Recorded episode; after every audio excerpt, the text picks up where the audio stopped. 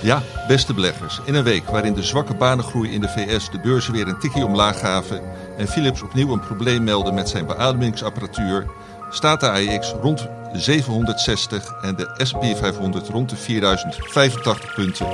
Tijd om te praten over beleggen. Dit is voorkennis. There are three ways to make a living in this business. Be first, be smarter, or cheat.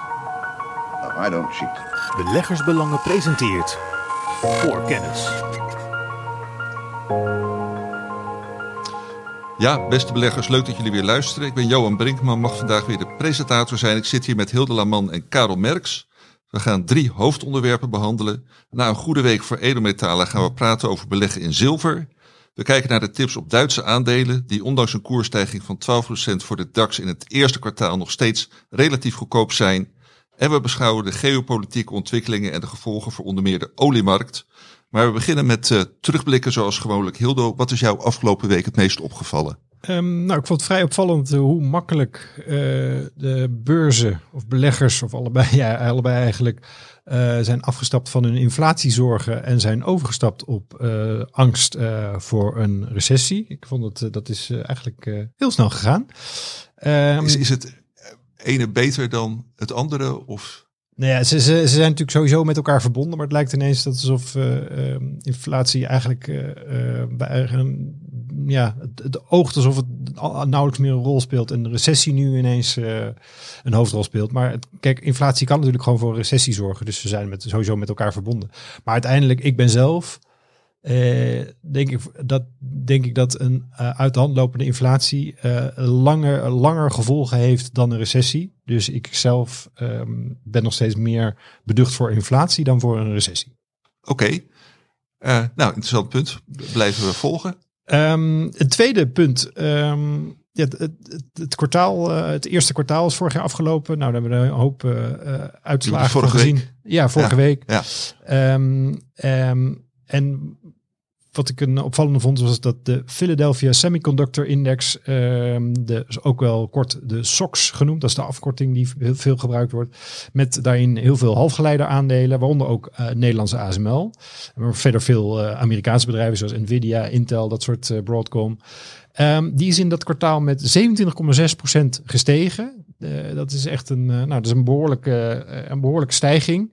Um, daar zitten wel, er, zitten wel wat uh, dingen, uh, uh, daar kun je wel wat op afdingen. Um, deze index stond namelijk in oktober wel op een min van 45 procent in 2022. Dus dat, ze kwamen van, van erg ver. Um, dus dan is zo'n stijging in die context valt dan ook wel weer mee. En als je ook kijkt ten opzichte van 1 januari 2022, dan staat het nog steeds een procent of 20 lager.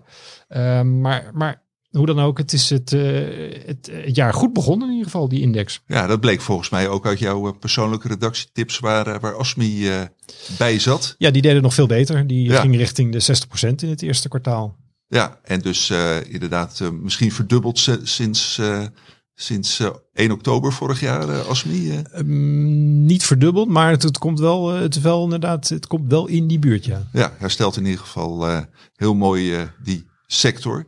En uh, is, het, uh, is de semiconductorsector daarmee de best renderende sector uh, dat, dit jaar? Weten jullie dat? Dat zou niet uit mijn hoofd weten. Ik heb niet, ik heb niet kijk, dat, dat moet je daarvoor doen, namelijk doen alle, alle sectoren even langs gaan. Ja, maar kijken, dat, prestatie, dat, uh, dat heb ik zelf niet gedaan. Ik weet niet of Karel dat gedaan heeft. ligt eraan hoe diep je er op in wil gaan. Ik bedoel, het jaar begon geloof ik Rijnmetaal onder de 200 en staat nu op 270. Nou ja, dus ook...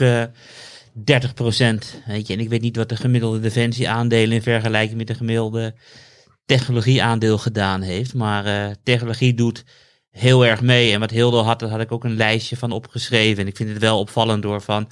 Ik had gewoon gekeken naar uh, een beetje grote bedrijven. Uh, naar inclusief grote cryptocurrencies. En dan zie je dus Ethereum plus 53, ASMI plus 58, Tesla plus 68 procent. Bitcoin plus 73, Meta plus 76%, Spotify 79%, Nvidia uh, plus 90% zelfs. Weet je, en Bloomberg kwam met een bericht dat in uh, ruim 100 jaar, uh, een jaar nog nooit zo goed uit de startblokken is gekomen naar echt zo'n dramajaar als 2022.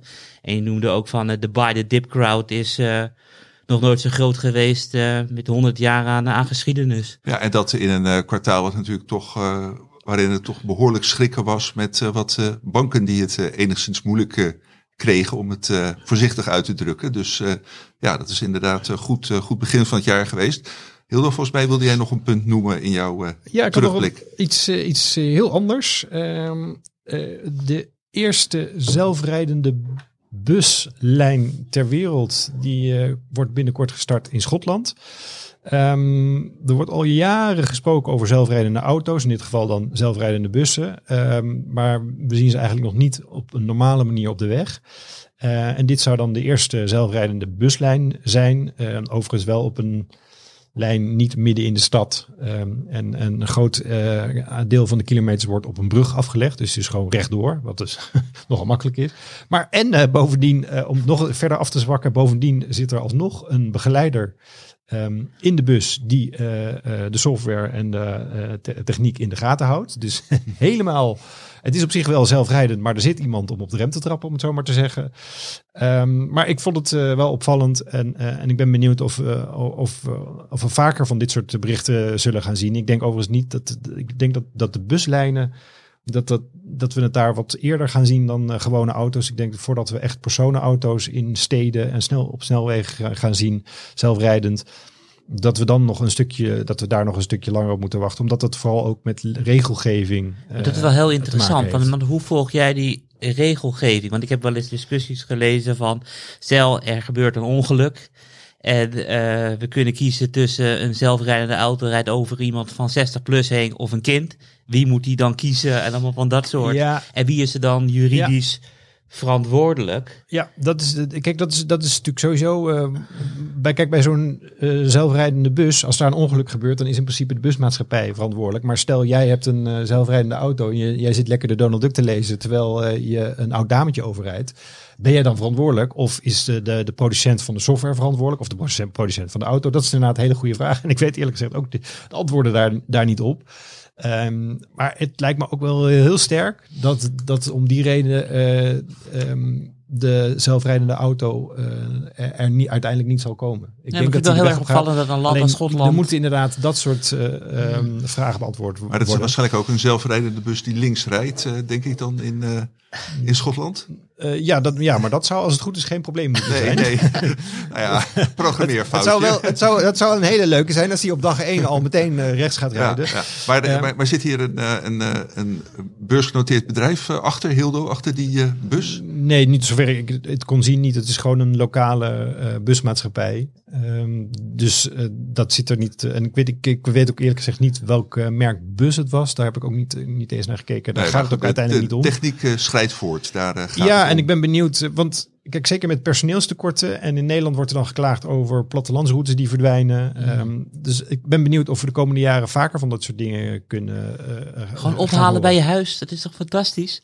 Ja, Gewoon een, een, flexibele bushalte. Ja. Ja. Maar ja, misschien krijgen we dan weer een politieke aardverschuiving als het hele platteland bediend kan worden met zelfrijdende bussen. Maar goed, dat is weer voor een, eh, een andere podcast. Dit waren jouw eh, punten, Ja. Hildo? Ja, Ja. oké. Karel, je hebt vast ook een aantal eh, leuke punten opgeschreven. Ja, niet leuk. Is gewoon eventjes... mijn ego heeft afgelopen week een flinke duw gekregen. Want ik had eigenlijk voor het eerst sinds dat ik 25 jaar aan het beleggen ben... door gewoon allemaal puur mazzel en geluk... had ik voor de eerste keer zeven handelsdagen op rij... van de nieuw hoogste stand ooit eh, voor mijn eigen portefeuille. En het begon met, met Duolingo en Rijnmetaal die de kar trokken. Toen kwam er totaal onverwachts een productieverlaging aan eh, van OPEC eh, en Rusland combinatie. Dus die maandag vlogen de Chevron en Total Energy de lucht in. En alsof het niet genoeg was, was het die dinsdag daarna wat Hildo zei. Er kwam dus de eh, recessieangst. En recessieangst betekent stimuleren van centrale banken. Omdat ze altijd QE en renteverlaging hebben ingezet bij de laatste recessies.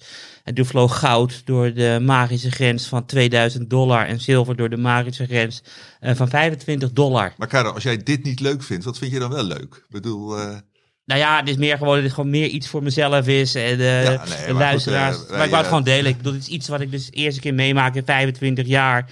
En dat gebeurt eigenlijk zelden. Want je ziet wel vaak dat er heel veel stijgingsdagen achter elkaar aan zitten op de bodem van de markt.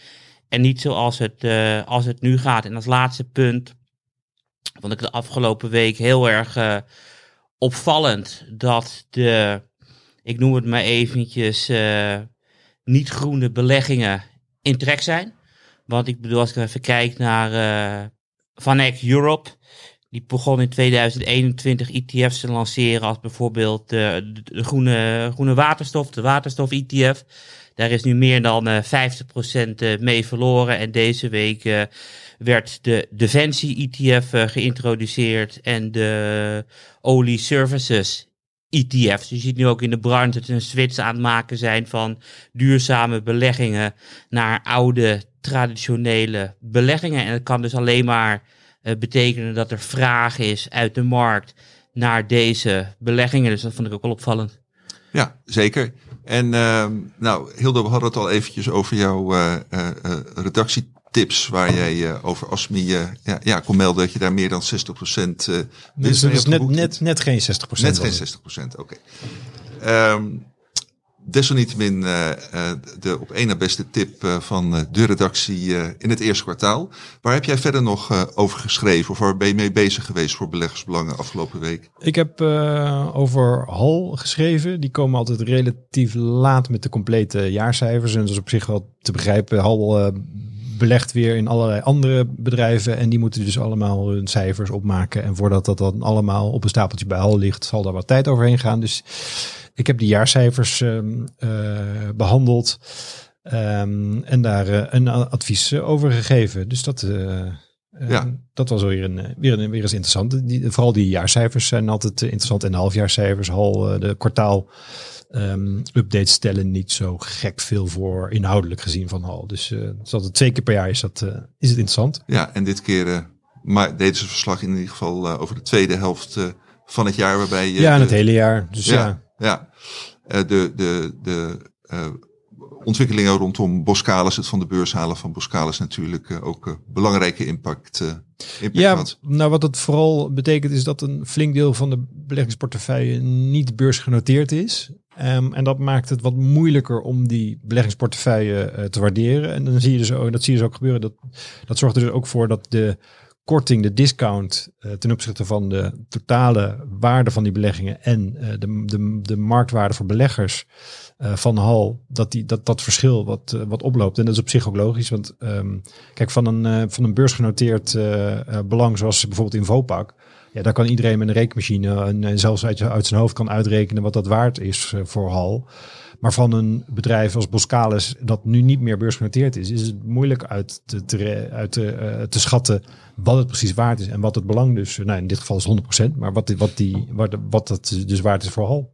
Ja, ja. Nou, ik heb het artikel uh, gelezen. Er komt inderdaad een hoop uh, rekenwerk, maar ook wel wat, uh, wat giswerk bij te pas. En nou, jij geeft er een advies op, maar dat kunt u lezen in, in Beleggersbelangen. Karel, waar heb jij je afgelopen weken zo al mee bezig gehouden? Ik heb een column geschreven over mijn favoriete belegging hoe ik met deze belegging omga en wanneer ik deze belegging weer ga bijkomen. En de link staat in de show notes. Nou, dan uh, ga naar de show notes, beste beleggers. Als u nog geen uh, abonnement hebt op uh, beleggersbelangen, althans. gaan wij dit onderdeeltje afronden en zo naar het eerste hoofdonderwerp toe. Voor kennis. Ja, nou, ik zei het al in de inleiding en Karel memoreerde er ook al aan in zijn terugblik. Het was een, een goede week voor edelmetalen. En uh, ja, uh, Karel wilde het graag wat specifieker hebben over zilver. Maar ja, Karel, schets eerst eens wat is er met edelmetalen aan de hand op dit moment? Wat er op dit moment aan de hand is. Is nu op dit moment is het redelijk simpel. Hildo zei het al bij de intro. Er is recessieangst gekomen en in een recessie gaan er steunmaatregelen komen en de hele de geschiedenis van edelmetalen staat vol met perioden van steunmaatregelen en dat edelmetalen heel erg goed uh, presteren. Kijk, en de reden dat de Fed de rente aan het verhogen is, moet ik zeggen, omdat we onlangs door een renteverhoging hebben gehad, is omdat zij de inflatie uh, naar beneden willen krijgen. Uiteindelijk gaat dat uh, lukken en waarschijnlijk komt dat of door een recessie of inderdaad door recessieangst. En daarom beleg ik zelf ook in zilver. En ik heb uh, zag ik een mail in onze algemene inbox voorbij komen. Die zei van Karel, ik las al het artikel van jou in de Beleggersbelang een aantal weken geleden.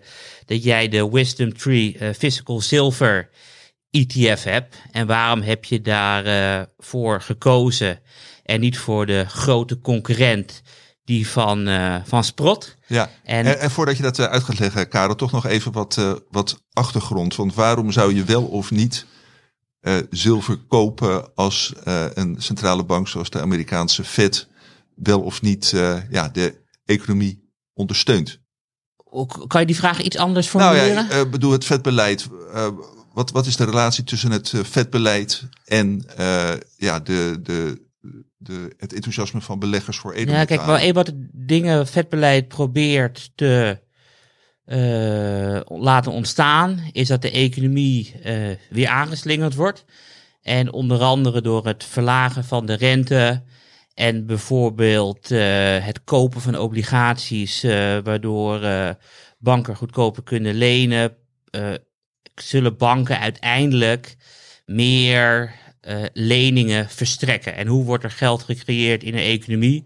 In een economie wordt geld gecreëerd als ik bijvoorbeeld naar de bank ga en ik vraag om een hypotheek, dan wordt er dus nieuw geld gecreëerd. Want het is niet zo dat 1 euro spaargeld uh, uh, 1 euro aan leningen veroorzaakt. Nee, we zitten in een fractioneel bankingssysteem. Dus een euro die je bij een bank legt, kan een veelvoud worden uitgeleend. Dus op het moment dat centrale banken ervoor zorgen dat er veel meer geld wordt uitgeleend, komt er ook veel meer geld in een economie.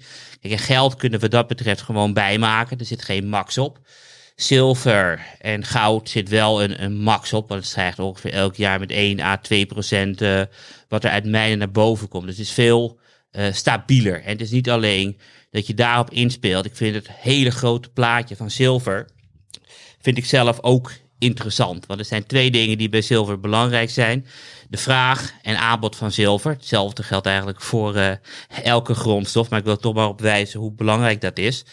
Kijken we eerst naar uh, de vraag. Je hebt twee soorten vragen. Eén is de vraag vanuit de beleggers in ETF's, et cetera. En die andere is uh, veel stabieler. Dat is de vraag vanuit de, de industrie. En de vraag vanuit industrie bereikte in 2022 een nieuw all-time high. Is hoger dan ooit. En de komende jaren verwacht ik dat het nog steeds elk jaar een nieuw all-time high zal worden neergezet naar de vraag naar zilver. Kun je een paar toepassingen vanuit de industrie noemen? Ja, als je dan. Uh, kijk, per kwartaal ik, lees ik het rapport van de Silver Institute. En ze gaven echt twee belangrijke ontwikkelingen aan. Eén is uh, 5G-technologieën, daar is steeds meer zilver voor nodig.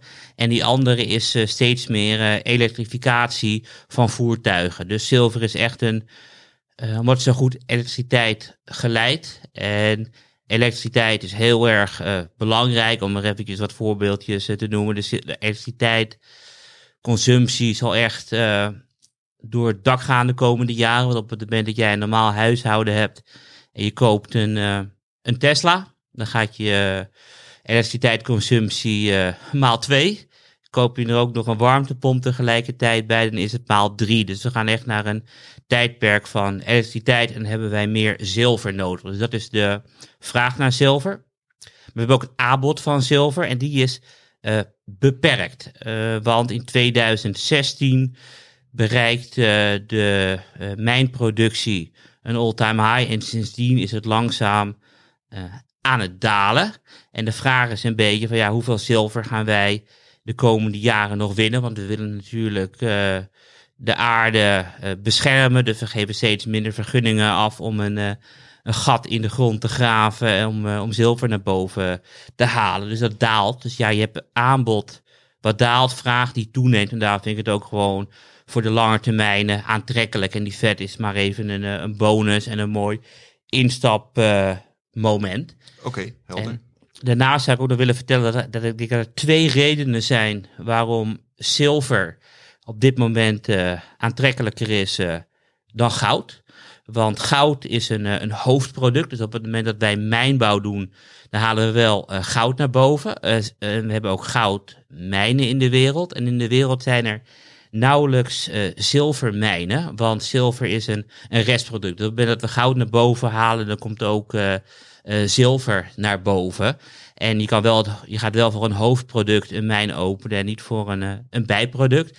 Daarnaast is de eh, zilvermarkt veel kleiner dan de goudmarkt. Dus op het moment dat beleggers eh, naar edelmetalen rennen, is het veel makkelijker om die zilvermarkt in beweging te krijgen dan de goudmarkt. Dus dit is even de basale inleiding.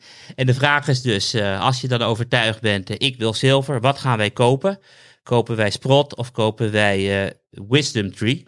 En het grootste verschil tussen deze twee fondsen is dat Sprott een closed fund is en Wisdom Tree is een, een open fund. En het verschil tussen deze twee termen ga ik uitleggen aan de hand van hoe instroom werkt. Dus op het moment dat eh, er een ounce eh, zilver eh, wordt gekocht op de beurs via Wisdom Tree, dan komt er een nieuw aandeel. En wat doen Wisdom Tree dan? Die denkt, oké, we gaan zilver verplaatsen van de kluis op de beurs naar, om het even simpel te zeggen, de kluis bij Wisdom Tree. En sommige mensen vinden dat eh, riskant, want de doemdenkers zeggen dan van je bent zilver aan het verplaatsen van eh, punt A naar punt B. Maar wat gebeurt er als die zilver nooit aankomt? Dat is risicovol. Dus Sprott zegt we gaan het anders doen. En Sprott zegt eh, we gaan geen zilver kopen op het moment dat beleggers dat willen. We hebben gewoon een, een vaste hoeveelheid zilver. Deze zilver ligt in de Royal Canadian eh, Mint. Deze locatie wordt beveiligd door NAVO-troepen. Het is wel een hele theatrale man. Dus eh, dat zilver ligt daar gewoon, gewoon veilig. En eh, eerst koopt Sprott dus zilver en pas daarna worden er nieuwe aandelen uitgegeven. En het gevolg daarvan is, is dat dat fonds met een premie kan noteren of met een korting. Dus op het moment dat beleggers naar Sprott rennen, nou ja, dan betaal je niet meer 100% voor die zilver, maar 101, 102, 103, 104. En stel dat we bijvoorbeeld wegrennen van zilver, dan gaat de premie naar eh, 99, 98, 97%. Dus wat krijg je dan? In een boelmarkt zie je vaak dat Sprott tegen een premie noteert en in een beermarkt vaak tegen een, een, een discount. Dus je krijgt een veel volatielere belegging. Ik heb voor mezelf uh, ik vertrouw het financiële systeem. Dus op het moment dat er een accountant langskomt bij Wisdom Tree, de ounce zilver telt, dan geloof ik uh, dat dat er ligt. Ik denk dat het, uh, de kluis van HBSC in Londen ook beveiligd zal worden als daar een buitenlands leger aankomt. Dus net zo veilig als met, uh, met NAVO-troepen. Kijk, en ik geloof niet dat op het moment dat je dan uh, zilver gaat verhuizen van de beurs naar, uh, naar HSBC, dat of de beurs zal omvallen of iets dergelijks. Voor mij is het veilig. Ja, ik raad dan beleggers ook aan. Ja, uh, ik krijg online en ook in, in mails vaak het verwijt dat ik veel te positief kijk tegen de wereld. En denk ik van ja, als je dat jouw mening is, ja, koop dan niet de, de Wisdom Tree, maar koop de Sprott of leg zilver onder het matras. Ja, ik, dan is uh, een klompje zilver is dan de enige, uh, het enige alternatief. Ja, zeker. Maar ja, Sprott heeft wel een hele goede naam, dus die Royal Mint vertrouw ik op zich ook ja, wel. Die, die, aandelen moet je dan toch weer kopen via een broker. Of die ETF. Ja, klopt. Weet je. En, kijk, dat is natuurlijk wel een mooi gescheiden account, et cetera. Maar ja, als je die geloof legt onder je matras, ja. weet je. En ik bedoel, wij hebben die podcast om te vertellen wat we doen. We schrijven over beleggersbelangen, over adviezen, weet je. En voor mij persoonlijk is Wisdom Tree goed genoeg. Je kan voor negen basispunten extra kan je dan sprot krijgen. Maar ja, dan heb je dus wel een veel volatieler uh, beleggingsproduct. Dus dit is het antwoord aan de lezer, waarom ik ook in de beleggersbelangen altijd schrijf over Wisdom Tree en nooit sprot aanhaal. Oké, okay, dus jij hebt eigenlijk een, een duidelijke voorkeur voor, uh, voor Wisdom Tree. Ja. ja. En uh, ook goedkoper, omdat er wat minder uh, toeters en bellen aan zitten. Ja, nou, dank je voor het duidelijke antwoord, Karel, op deze leuke vraag die we binnenkrijgen. En nou, vragen stellen, dat weten de trouwluisteraars. Dat kan altijd via voorkennis.beleggersbelangen.nl. Dus mail ons. Uh, Hildo, ik weet dat jij uh, ja, in het verleden zeker ook wel je met edelmetalen hebt bezig gehouden. Net zo enthousiast over zilver op dit moment als Karel? Ehm, nou, op dit moment, ik, dat, op dit moment niet bijzonder, maar ik, zit, ik, ik, heb privé ook al een, een, kleine positie in zilver al heel lang en dat, dat hou ik ook gewoon aan. Um, En ja, dat, en dat is, dat is niet anders. En eh, wat ik ook interessant vind, is de, verhouding tussen zilver en goud. Eh, eh, zilver is eigenlijk de afgelopen tijd steeds goedkoper geworden ten opzichte van, van goud. En dat vind ik, wat ik heel opvallend vond, is dat vorig jaar in die tijden van inflatie, dat zilver het helemaal niet zo goed deed. Ehm, en dat is ergens, vond ik dat ook wel weer opvallend. Eh, want in tijden van inflatie zou je zeggen dat, eh, dat zoiets als, eh, als edelmetalen en dus ook zilver, dat die, eh, dat, dat dan eh, veilige havens zijn. Maar daar kon je bij zilver in ieder geval vorig jaar niet zo gek veel van terug, eh, terugzien. Ehm, maar goed, wie weet eh, komt er een soort inhaalslag. Nog in even wat getallen voor, voor Hildo, want uiteraard heb ik ze paraat. De goud-zilver ratio is 83. De afgelopen 50 jaar was dit eh 59. En je ziet vaak die twee argumenten, bijproduct en een kleinere markt. Aan het eind van de boelmarkt eh, van zilver de verhouding meestal ergens tussen de 10 en de 20 ligt. Als je dan rekent met, eh, ja, stel dat we naar 20 gaan, heb je dus gewoon twee verdubbelingen nog tegemoet van 80, 40 naar 20. Dus die gold-silver ratio is ook heel erg interessant om in de gaten te houden. Want dan weet je hoe ver we in de boermarkt van zilver zitten. We zijn nog pas eh, net begonnen, is mijn persoonlijke mening. En ik begrijp heel dat eh, jij eh, in ieder geval je zilverpositie privé aanhoudt. En mogen we dan weten of dat eh, de wisdom tree is of het een klopje zilver eh, onder het matras? Nee, dat is nog een oude Amerikaanse positie. Oh, SLV. Ja, Ja, de, Dat die is- heeft natuurlijk ook nog, de mag je in op het moment dat je dat... Ik verstond de afkorting niet. Oh. SLV, dat is gewoon eh, de afkorting voor zilver. ja. En dat is van die domme Europese regels. Dat omdat SLV denkt van we gaan voor Europa geen Nederlandse handleiding schrijven. eh, Dus we gaan, eh, zoek het maar uit. Dus als je hem hebt mag je hem aanhouden. Oké. En heb je hem niet, dan eh, heb je pech. Ja. en die, die heb ik al jaren en die houd ik ook nog. Voor 2018 had je hem dan minimaal. Oké, nou, eh, interessant. voor kennis.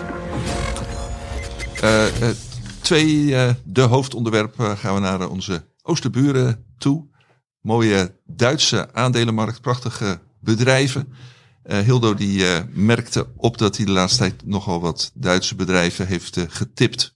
Maar ook optieconstructies heeft geopend. Waarbij Duitse bedrijven een rol spelen. En nou, die markt is volgens Hildo nog steeds interessant. Wat kun je erover zeggen, Hildo? Ja, nou, het, ik had dus daar een aantal tips op gegeven. En dat waren meestal aandelen met een eh, behoorlijk lage waardering. En dat is dan de reden waarom je, belangrijkste reden waarom je daar een, eh, tip eh, van maakt.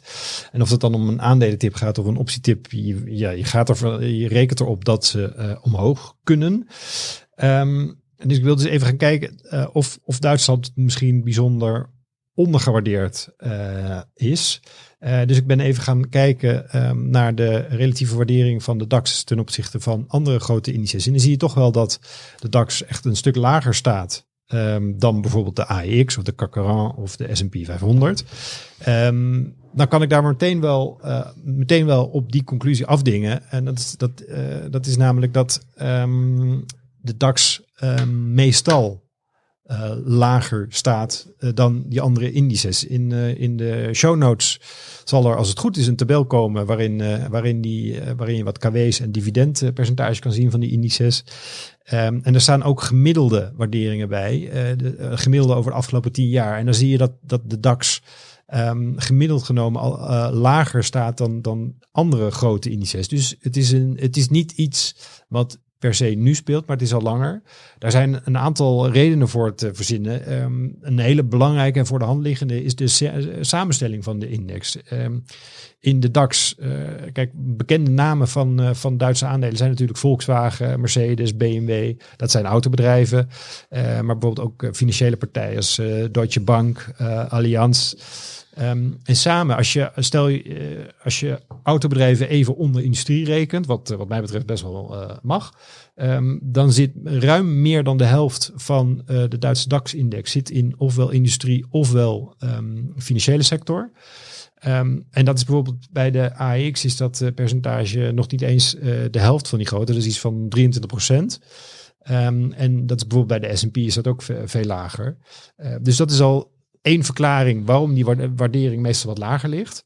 Eh, en een andere verklaring, mogelijke verklaring, is ehm, dat je in Duitsland nogal wat ehm, een aantal aandelen hebt met een wat ongebruikelijke eigendomsstructuur. Dus bijvoorbeeld Volkswagen, waarbij je eh, vooral wordt eh, gehandeld in aandelen eh, zonder stemrecht. eh, maar waar daarnaast ook nog eens allerlei hele ingewikkelde constructies. Waarbij eh, Volkswagen een groot belang heeft in Porsche. Maar dat je ook nog een bedrijf Porsche hebt. Dat dan weer aandeelhouder is in Volkswagen.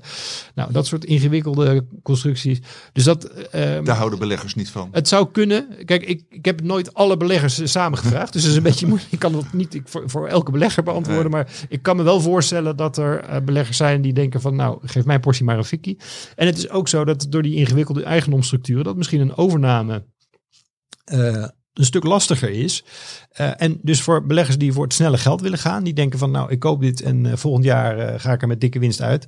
zijn dat, dat soort aandelen dan misschien net wat minder interessant. En dat dat op, op, op het gemiddelde, op die gemiddelde waardering dan toch een invloed kan hebben. Ja, wat ik altijd begrijp dan is dat gemiddeld genomen in de historie Amerikaanse aandelen relatief eh, hoog gewaardeerd worden of hoger gewaardeerd worden dan Europese aandelen. En ik begrijp dan nu van jou dat dan binnen die Europese aandelen, ja, Duitse aandelen over Ja. het algemeen wat lager gewaardeerd worden dan zitten- bijvoorbeeld Nederlandse of Franse. Ja, ze zitten wat lager dan. Ja, en er zitten ook En wat de lager dan de twee- Eurostox. Vanaf 2000 is het echt, wat jij zegt, de, echt duidelijk verschil ontstaan. ja. Ja, en ehm, eh, maar wat, wat nog wel zo is, dat het nu is het ehm, staan, eh, is het verschil nog wel wat groter dan normaal. De, de Duitse aandelen staan nog echt wel een stukje lager dan hun eigen gemiddelde eh, dan andere indices. Dus het verschil is nu wel, ehm, wel opvallend eh, groot. En dat, is, dat maakt, eh, maakt het denk ik naar mijn, mijn mening ook wel Maar heb je, daar ook, een- heb je daar ook een verklaring voor? Nou ja, dat is, dat is moeilijk te zeggen. Kijk, de, de redenen waarom het gemiddeld genomen lager is, dat heb ik al genoemd. En dat, dat speelt nu nog steeds. Ehm, want kijk, die, die, die, sector, die sectoren, de sectorverdeling in de DAX, ja, dat is eigenlijk niet, niet gek veel anders dan tien jaar geleden of twintig jaar geleden. Volkswagen was groot en is nog steeds groot. En dat, eh, Deutsche Bank eh, zit er nog steeds in. En eh, ondanks alle, alle heibel die er rond dat bedrijf speelt. Ehm, dus zo gek veel is er niet in die, in die DAX veranderd. Behalve de uit trouwens wel groter geworden. Ehm, niet zo lang geleden. Van 30 naar 40 aandelen. Ja, ja. ja. En, maar en wat vind je van het argument ehm,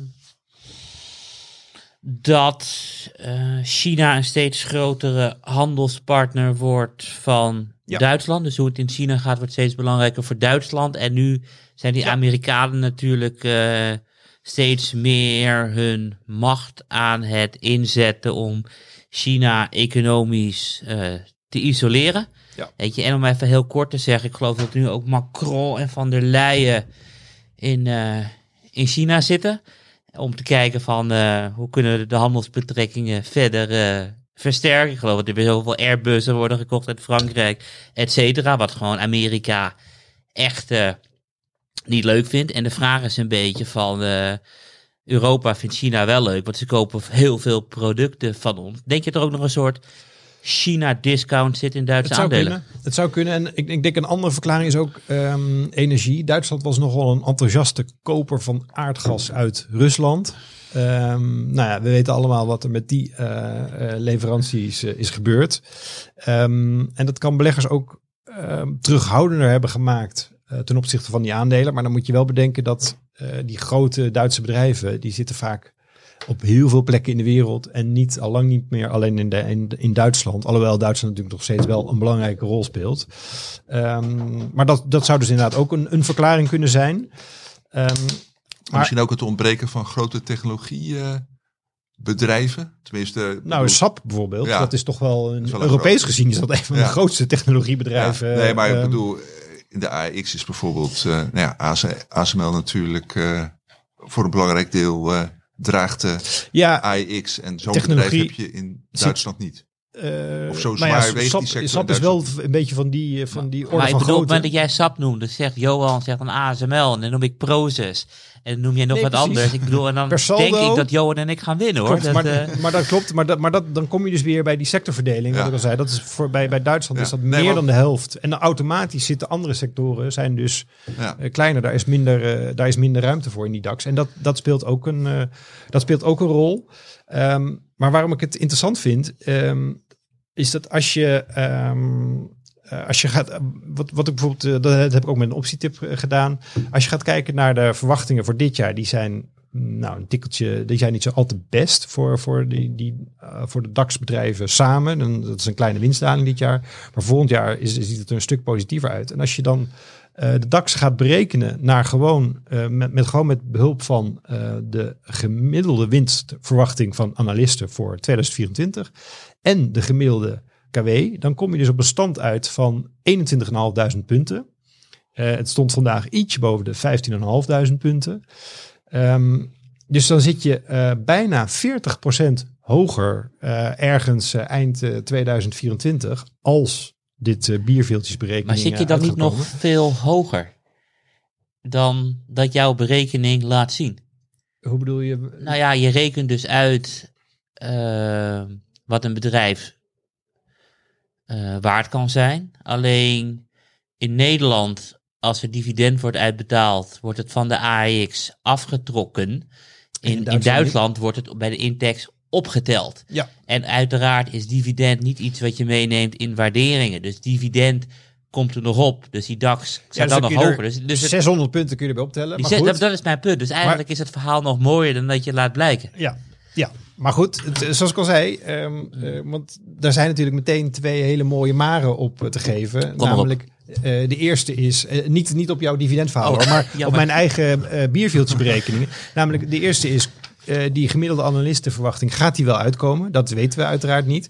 En de tweede is, eh, wat, gaan, ehm, wat gaan beleggers ervoor betalen? Vinden die eh, dat die gemiddelde KW eh, gewoon nog steeds te hoog? Denken ze van ja, vanwege wat, wat Karel zei, die, die handel met China, ehm, de energie-onzekerheid in Duitsland, dat vinden we nog steeds zo groot. Wij gaan daar helemaal niet eh, meer zoveel voor betalen. Dus dat, dus dat zijn, dat zijn eh, dan weer onzekerheden. En dat, dat is ook een reden waarom ik het leuk vind om dat met optietips ehm, eh, aan, hoe het, eh, ehm, daarvoor te gebruiken. Omdat je dan met een relatief klein bedrag kun je op zo'n positief scenario inspelen. Heb ik vier weken geleden heb ik dat ook gedaan.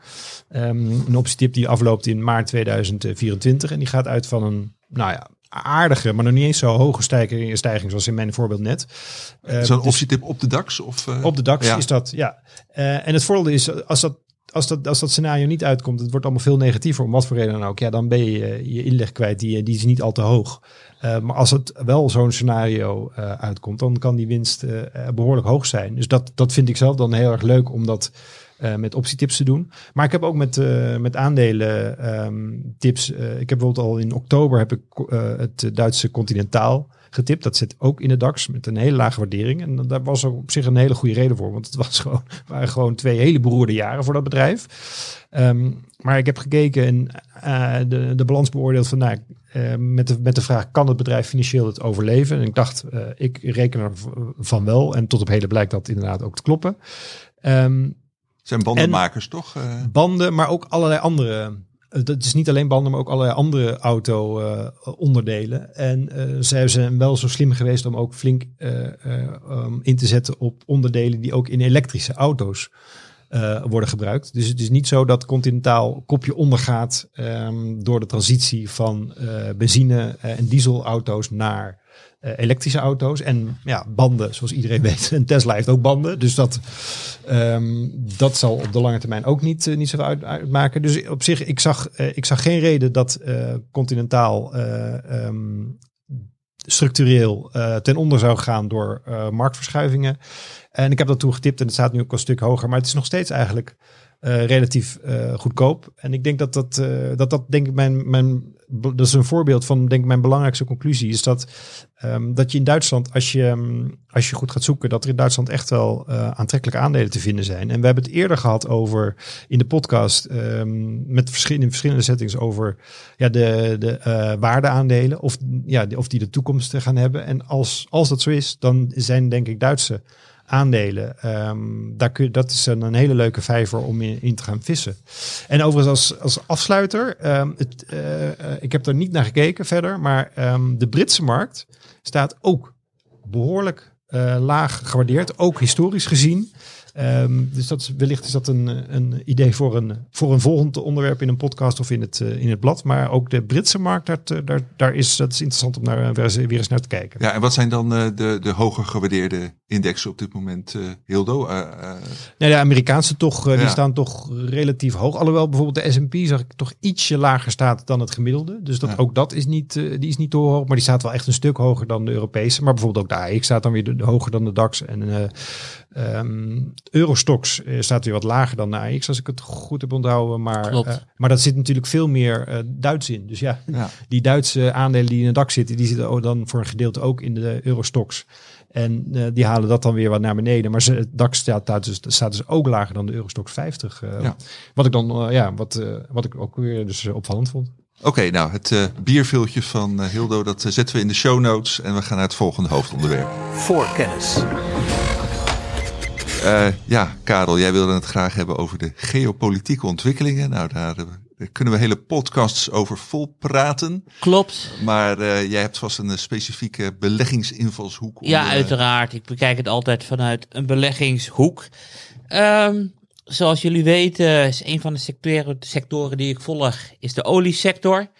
Er gebeurt een hoop en ook op het geopolitieke vlak. Ik wil je even meenemen naar de zomer van 2022. Toen vloog meneer Biden eh, naar Saoedi-Arabië om eh, een gesprek te hebben met Mohammed bin Salman also known as MBS, wat je wat makkelijker uitspreekt, om eh, de Arabieren te van overtuigen. Ga meer olie exporteren. Het is voor de Verenigde Staten belangrijk. Jullie zijn voor ons een bondgenoot in het Midden-Oosten. Nou, MBS zei van, dat gaan we niet doen. Dus Biden, ja, kreeg gewoon nul op Zei het hij dat request. in zijn gezicht of toen hij eh, weer terug in het vliegtuig naar Washington Nou ja, hij heeft dat nooit gezegd. het nooit gedaan. Maar iedereen wist eh, dat hij naar Saoedi-Arabië ging om eh, meer olie, om de wereld meer olie te laten geven. En dat gebeurde dus niet. Dit is mijn eigen invulling van eh, dat de- hij dat gezegd en de heeft. inflatie in eigen land naar beneden Ja, te krijgen klopt, natuurlijk. klopt. Alleen het, het verhaal wordt nog, nog veel erger. Want toen was hij dus terug in de Verenigde Staten. En toen eh, zei MBS van eh, we gaan eh, de productie van olie beperken. En dit was de productiebeperking op de hoogste olieprijs ooit. Dat was op, op 90. eh, terwijl daarvoor, de afgelopen 10 jaar, waren er vooral productiebeperkingen op het moment dat de olieprijs zakte tot 40, eh 45, soms onder de 50. En dit was gewoon op 90. Dus toen dacht je al van ja, wat wil hij doen? Want de olieprijs was gewoon eh, mooi hoog. Een paar weken geleden eh, heeft China het voor elkaar gekregen om de aardsvijanden Saoedi-Arabië en eh, Iran bij elkaar te brengen. En toevallig kwam vandaag, las ik op nos.nl met, het is vandaag woensdag, donderdag, dat dit bericht officieel is bekrachtigd in Peking. En eh, die landen gaan nu de relaties verder eh, verbeteren. Er komen vliegtuigverbindingen waarschijnlijk tussen beide landen. Er worden visa voor inwoners beschikbaar gesteld. En er zullen waarschijnlijk ambassades in de hoofdsteden worden geopend. Dus die aardsvijanden zijn elkaar, elkaar eh, toe aan het bewegen. Dat is volgens mij op het wereldtoneel wel schokkend. Want Iran levert natuurlijk drones voor, voor Rusland. en China heeft het voor elkaar gekregen. Ja, en afgelopen eh, weekend eh, kwam er nog een productiebeperking. Olieprijs was toen bijna 80. Dus was het eh, nog steeds veel hoger dan normaal. Ja, en eh, wat ik dan wel weer een signaal detail vind, is dat vlak daarvoor zei president Biden: we gaan nu eindelijk beginnen met het hervullen van de strategische Amerikaanse olievoorraad. Dus Biden had vele honderden miljoenen vaten, dus miljarden liters uit de strategische voorraden gehaald. En onder de 70 dollar zouden ze weer eh, beginnen met bijvullen. En Saudi-Arabië zei nee, we gaan gewoon weer die prijzen omhoog eh, jassen om die Amerikanen een beetje te pesten. Ja, het, eh, is dat de reden? Want bedoel, waarom, waarom doen ze die beperkingen? Geen idee. Maar ik denk dan. ehm, ik luister niet naar wat mensen zeggen. Ik luister naar eh, wat mensen doen. Weet je, en dan, dan, zegt Biden van we gaan de voorraden vullen. En dan zegt eh, MBS, we gaan een productiekat doen. Nou ja, vroeger deden ze dat bij 40, 45. Nu bij 90. Biden zegt dat uh, weer. Ze doen weer een nieuwe productiekat. Uh, Saoedi-Arabië is vriendjes met Iran. Nou ja, Iran heeft natuurlijk weer uh, nieuwe sancties van Trump gekregen. Dus ik denk, ja, ik kijk gewoon wat er gebeurt. Ja, wat jij ziet is dat een aantal landen eigenlijk een soort ja, samenspannen of banden aanhalen om het Amerika lastig te maken. Ja, zeker. En Amerika heeft het zichzelf ook lastig gemaakt. Want het doel van die strategische voorraden is dat als er een keertje een, een grote ramp is, bijvoorbeeld in 2005 in, uh, in Katrina, dat er gewoon voldoende olie toevoer is naar de Amerikaanse industrie die olie nodig heeft. Kijk, en afgelopen week zei de minister van Energie in de Verenigde Staten, waar ja, die olievoorraden zullen we in 2023 niet meer gaan aanvullen. Dus dan is het 2024. En dan denk ik van ja, 2024 is een Amerikaans verkiezingsjaar. Waarom zou je in zo'n jaar honderden miljoenen vaten olie gaan kopen om die voorraden aan te vullen? Terwijl nu de leider van de, van de polls, moet ik zeggen, van de Republikeinse Partij weer Donald Trump is natuurlijk. Dus, dat, zal, dus, dus dat gaat, gaat, niet gebeuren. In nee, dus dan til je het over de verkiezingen heen. Kijk, en het gevolg daarvan is uh, dat je gewoon het risico op schokken veel, veel groter maakt. Wat die, wat die honderden miljoenen vaten je ook kunnen gebruiken als het een keertje misgaat. Het kan natuurlijk altijd misgaan in de toekomst. Ja, en nou uh, zei jij al uh, bij jouw punt uit de terugblik van dat ja, jouw olieaandelen het in ieder geval goed, goed hadden gedaan in je privé ja, klopt. portefeuille.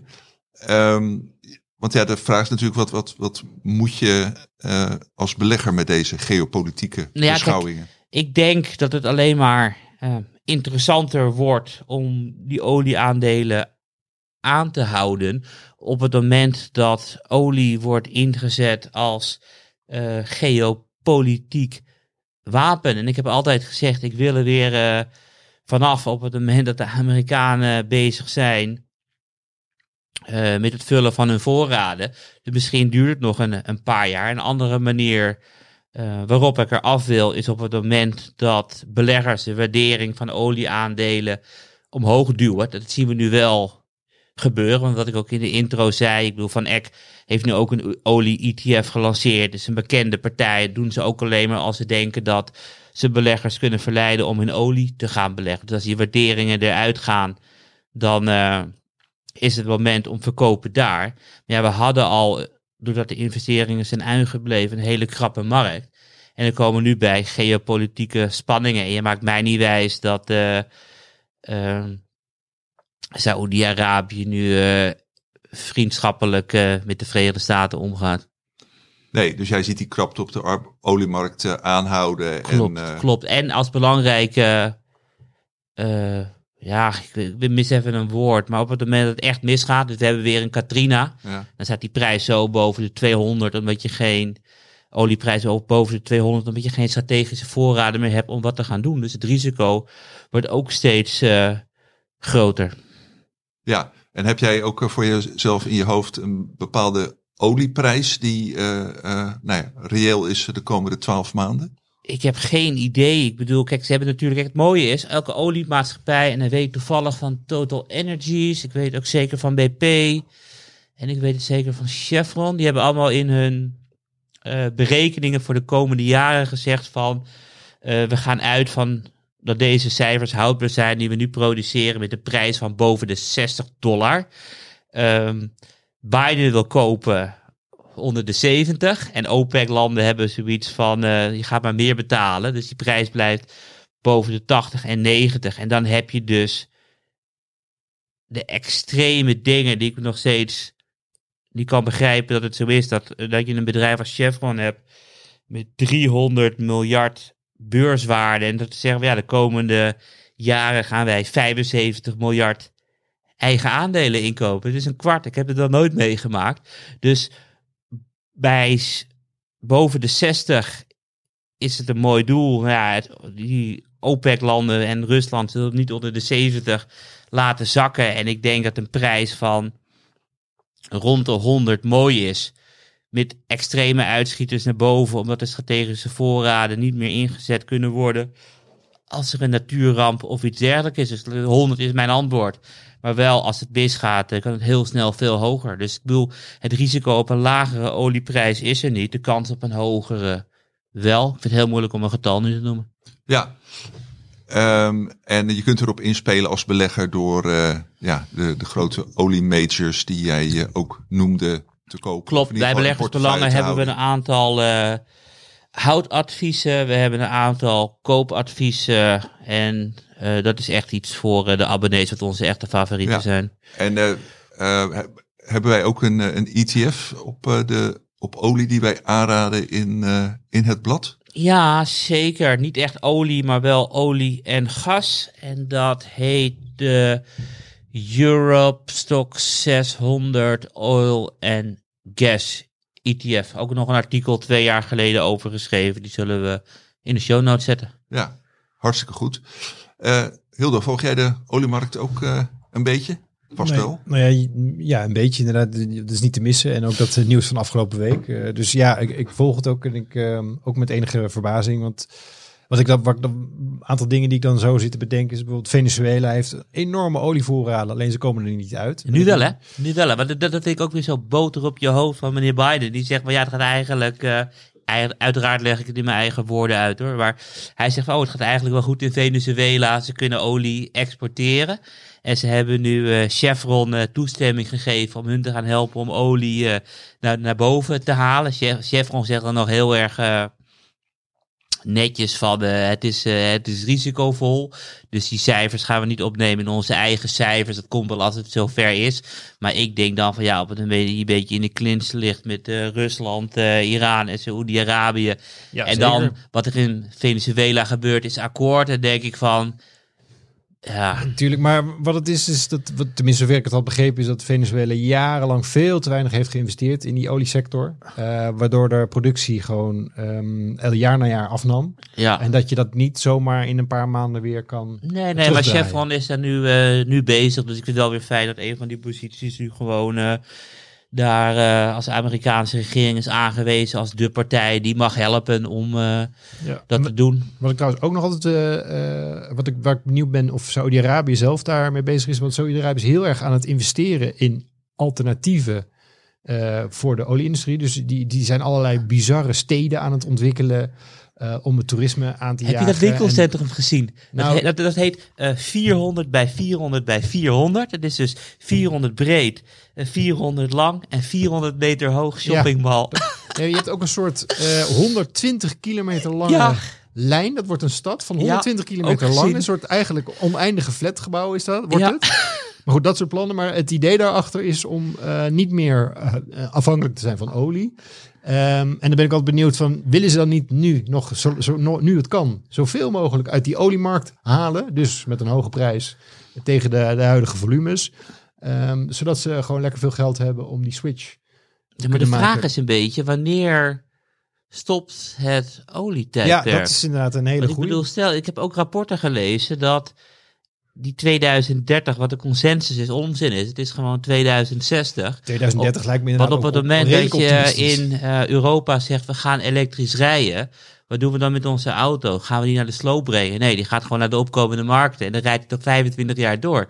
Ja. Eh, ja, Nee, dat, dat zal. Ik, ik denk zeker niet eh, dat dat. dat Weet je, wat ik had opdrogen. persoonlijk naar kijk, omdat ik ook privé best wel wat geld in heb zitten, is dat ik denk van de wereld wil eerst af van eh, steenkool. Weet je, op dit moment worden er meer steenkolencentrales geopend dan gesloten. En op het moment dat steenkool nog in de groeifase zit, dan, wil, dan zijn we niet af van olie. Nee, Dus dat is een beetje zeker. mijn simpele ezelsbruggetje. Ja. Ja, maar het is wel zo dat hoe hoger de olieprijs is, hoe aantrekkelijker de alternatieven zijn. ja, zeker. Weet je. En in Europa zijn we nu ook aan het switchen door Rusland, omdat we gewoon minder Precies. afhankelijk. Dus dat voor, de, voor mij, ik vind die oorlog vind ik verschrikkelijk. En ik vind het verschrikkelijk voor mijn eigen positie, want het versnelt alleen maar de. Ja. ja. Maar goed, interessant is het zeker. Oké, dank jullie wel. voor kennis. We gaan nog eventjes eh, vooruitblikken op eh, de komende week. Hildo, wat, eh, waar kijk jij naar uit? Nou, morgen vrijdagmiddag eh, hebben we Amerikaanse banencijfers. Ehm, dus dat, dan krijgen we al een klein... En de beurs is gesloten. Ja, maar toch doen ze het. Ja, klopt, klopt. Dus ik bedoel, het is wel, eh, wel, wel, wel grappig in een hele dunne markt. Dus, het- waar nog wel een markt is, is in valuta. Dus ik, eh, ja, ik heb de euro-dollar open en dan de cijfers. Ik ben benieuwd. ja, want we hebben het eerder gehad over... Dat, dat banencijfer moet iets eh, zeggen over wel niet recessie. eh. Nou ja, het is, het is maar één, het, uiteindelijk één banencijfer. Het is niet alsof morgen wordt besloten of er wel of geen recessie is. Dat zo, eh, zo erg is gelukkig niet. Maar het is natuurlijk weer, weer een indicatie hoe gaat het met de Amerikaanse economie. En kijk, als het, een, als het heel erg goed gaat met de banenmarkt, dan is misschien volgende week hebben we het weer alleen maar over inflatie en is de recessieangst weer helemaal verdwenen. Of, of andersom, kan natuurlijk ook. Dus daar kijk ik naar uit. En eh, volgende week begint min of meer het eh, cijferseizoen in Nederland. eh, is, tenminste in mijn sector is TomTom Tom volgende week al. En vlak daarna komt, ehm, komt ASML. En dat, hoe die, ja, die, die, dat cijferseizoen, dan, dan, dan krijgen we de eerste kwartaalcijfers. En met een beetje geluk ook vooruitblikken voor het tweede kwartaal. Dus dan krijgen we al een aardig, aardig idee hoe voor beursgenoteerde bedrijven 2023 zal gaan verlopen. Ja, dus eh, spannende, spannende en drukke weken in het eh, vooruitzicht. Karel, waar kijk jij eh, naar uit? Ja, ik ga vooral proberen mijn frustraties te beheersen. Om het maar even te omschrijven. Ik wil al jaren wil ik een positie opbouwen in tech resources. Ook al meerdere keren in de podcast voorbij gekomen. Ze hebben de metalen van de toekomst in hun mijnen.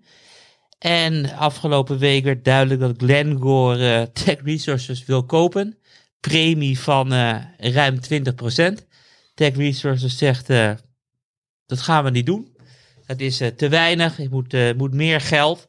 En Glencore heeft niet gezegd dat er een hoger bod komt. Dus ja, als je niet zegt dat er geen hoger bod komt, dan komt er dus een, een hoger bod. Dus ik ben heel nieuwsgierig hoe die overnamestrijd zich zal...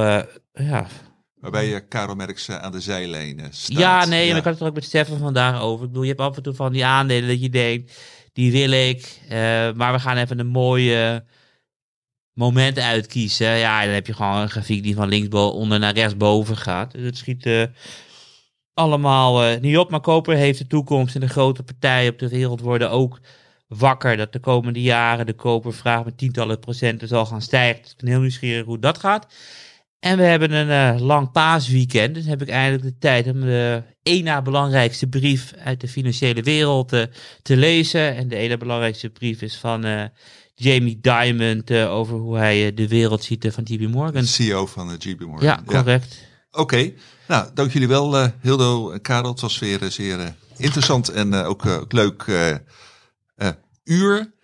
Volgende week zit ik hier met Stefan Hendricks, Menno van Hoven. Eh, heeft u vragen nogmaals, dan eh, kunt u die mailen naar eh voorkennis.beleggersbelangen.nl. Bedankt voor het luisteren, bedankt, voor het kijken en tot volgende week.